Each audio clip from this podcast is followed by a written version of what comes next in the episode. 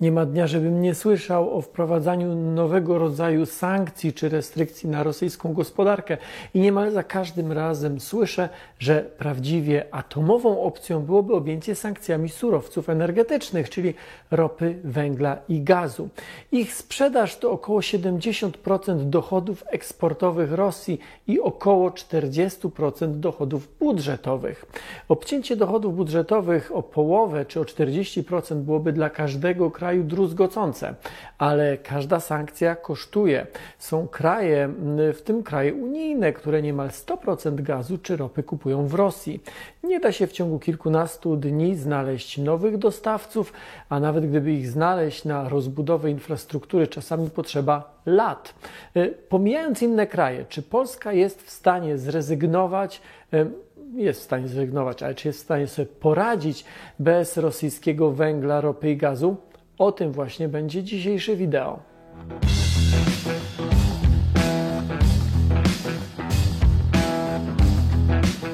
Nasza sytuacja wygląda mniej więcej tak. To dane, te dane, które będę podawał, to dane za rok 2020.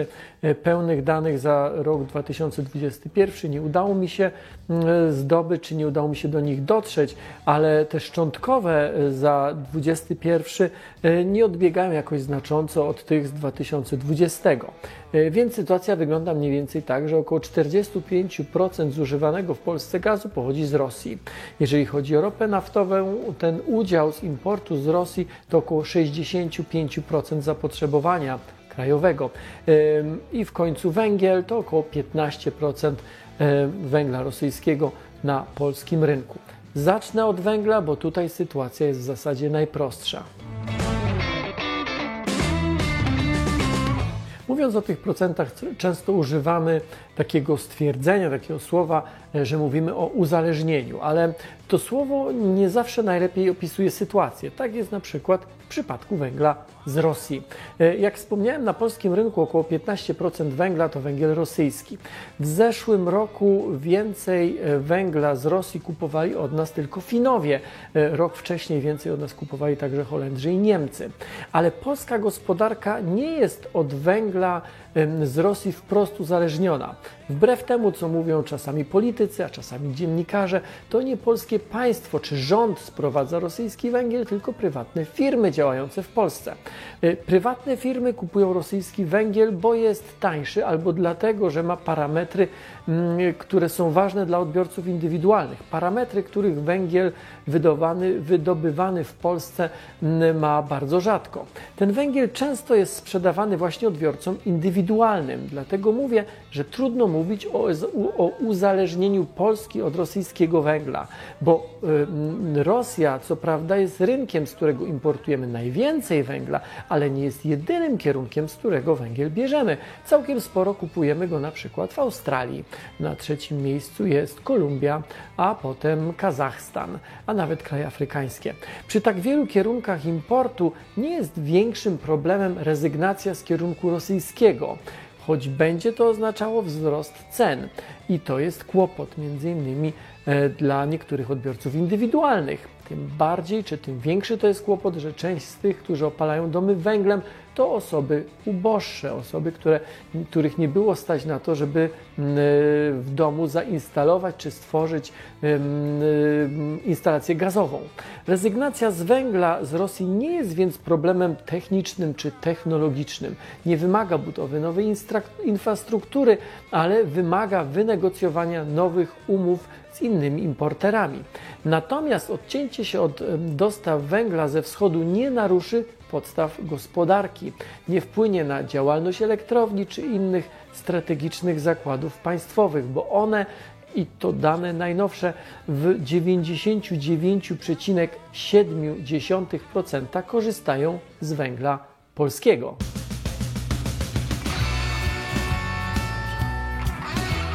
Jeżeli chodzi o gaz, to około 45% zużywanego w Polsce gazu pochodzi z kierunku wschodniego, ale jeszcze kilkanaście lat temu ten udział wynosił nawet 90%.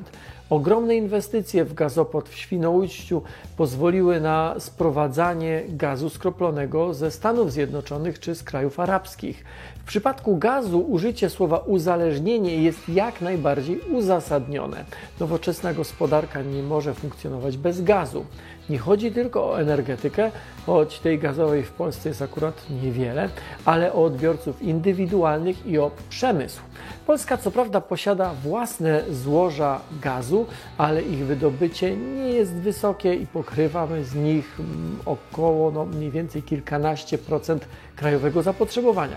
Niestety te złoża, te polskie złoża nie są na tyle bogate, by dało się znacząco zwiększyć ich eksploatację coś zadzwoniło, by dało się znacząco zwiększyć ym, ich eksploatację. Mimo tego w ciągu najbliższych miesięcy rosyjskiego gazu w zasadzie nie będziemy już potrzebowali wcale, bo pod koniec tego roku ma zostać uruchomiony gazociąg Baltic Pipe, łączący nasze wybrzeże z norweskim szelfem kontynentalnym.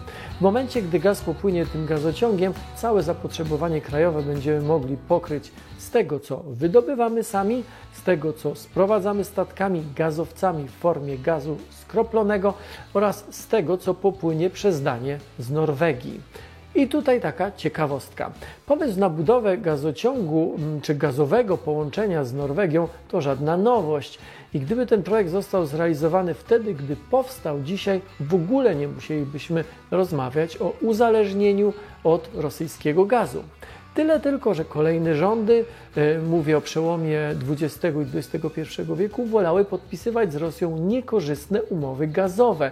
Wolały to niż uniezależnić naszą gospodarkę od wpływów Rosji. Projekt odkładano, odsuwano, aż w końcu rząd, w którym premierem był Leszek Miller, po prostu z niego zrezygnował. Zrezygnował na etapie już rozpoczętej mm, procedury, czy rozpoczętej może nie tyle budowy, ale na pewno mm, tych spraw e, urzędowych, czy tych kwestii e, formalnych. Do koncepcji wrócono w 2016 roku, a uruchomienie gazociągu Baltic Pipe ma nastąpić 1 października tego roku, mniej więcej wtedy, gdy kończy się dziesięcioletnia umowa na dostawy gazu, jaką mamy podpisaną z Rosją. Rocznie przez Baltic Pipe ma przepływać do Polski około 10 miliardów metrów sześciennych gazu. To więcej niż dzisiaj kupujemy z Rosji.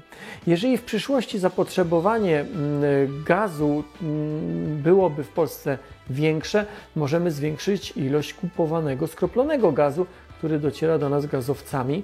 Mm, możemy też nieco zwiększyć jeszcze wydobycie naszego gazu tego krajowego. W Świnoujściu ten gaz skroplony z gazowców jest rozprężany i tłoczony do krajowej sieci gazowej.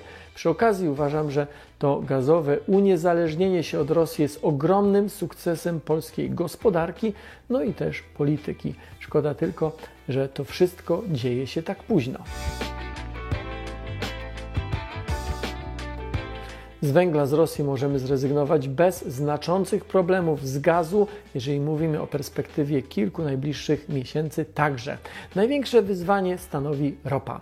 70% z niej wykorzystywanych jest do transportu czy do ym, tworzenia, do produkcji paliw płynnych wykorzystywanych w transporcie. Pozostałych 30% jest konsumowanych przez indywidualnych odbiorców i przez przemysł. Od wielu lat Polska zmniejsza uzależnienie od rosyjskiej ropy. Dzisiaj to 65%, mm, ale jeszcze dwie dekady temu to było około 93%.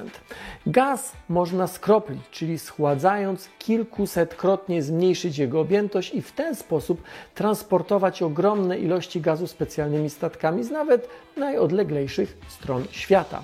Z ropą jest to niewykonalne. Oczywiście tankowce także przemierzają morza i oceany, ale pokrywanie tą drogą zapotrzebowania na ropę tak dużego kraju jak Polska jest bardzo kłopotliwe.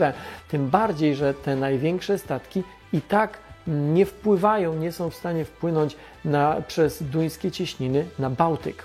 Rezygnacja z rosyjskiej ropy jest największym wyzwaniem, ale zdaniem ekspertów jest możliwa. Myślę, że większość z nas, większość osób w Polsce w ogóle nie ma takiej świadomości, że kilka lat temu Rosja, chcąc pokazać, że może, e, rurociągami do Polski tłoczyła ropę zanieczyszczoną, ropę, której nie mogły wykorzystywać nasze rafinerie, a gdyby zaczęły wykorzystywać urządzenia, które w nich są zainstalowane, uległyby e, awarii, uległyby zniszczeniu. I wtedy na kilka tygodni e, po prostu zrezygnowaliśmy z kupowania czy z wykorzystywania rosyjskiej ropy. E, I polska gospodarka sobie radziła. Kilka tygodni to oczywiście nie to samo, co rezygnacja całkowita, bo wtedy korzystaliśmy z zapasów ropy, które mieliśmy w magazynach. Ale, jak powiedziałem, zdaniem specjalistów, w perspektywie kilku, może kilkunastu tygodni, rezygnacja z rosyjskiej ropy powinna być możliwa. Zła wiadomość jest taka, że będzie to oznaczało wzrost cen paliw. Ten wzrost oraz wzrost cen węgla dla odbiorców indywidualnych to cena, jaką zapłacimy za sankcje na rosyjską ropę, węgiel i gaz. I uwaga ogólna. E, wojna na Ukrainie powinna przekonać i mam nadzieję, że przekona ostatnich opornych i odpornych, że rezygnacja z paliw kopalnych jest kierunkiem, w którym powinny zmierzać takie gospodarki jak Polska. Nauka to lubię, nie tylko na Facebooku, YouTube. Zapraszam na stronę naukatolubie.pl.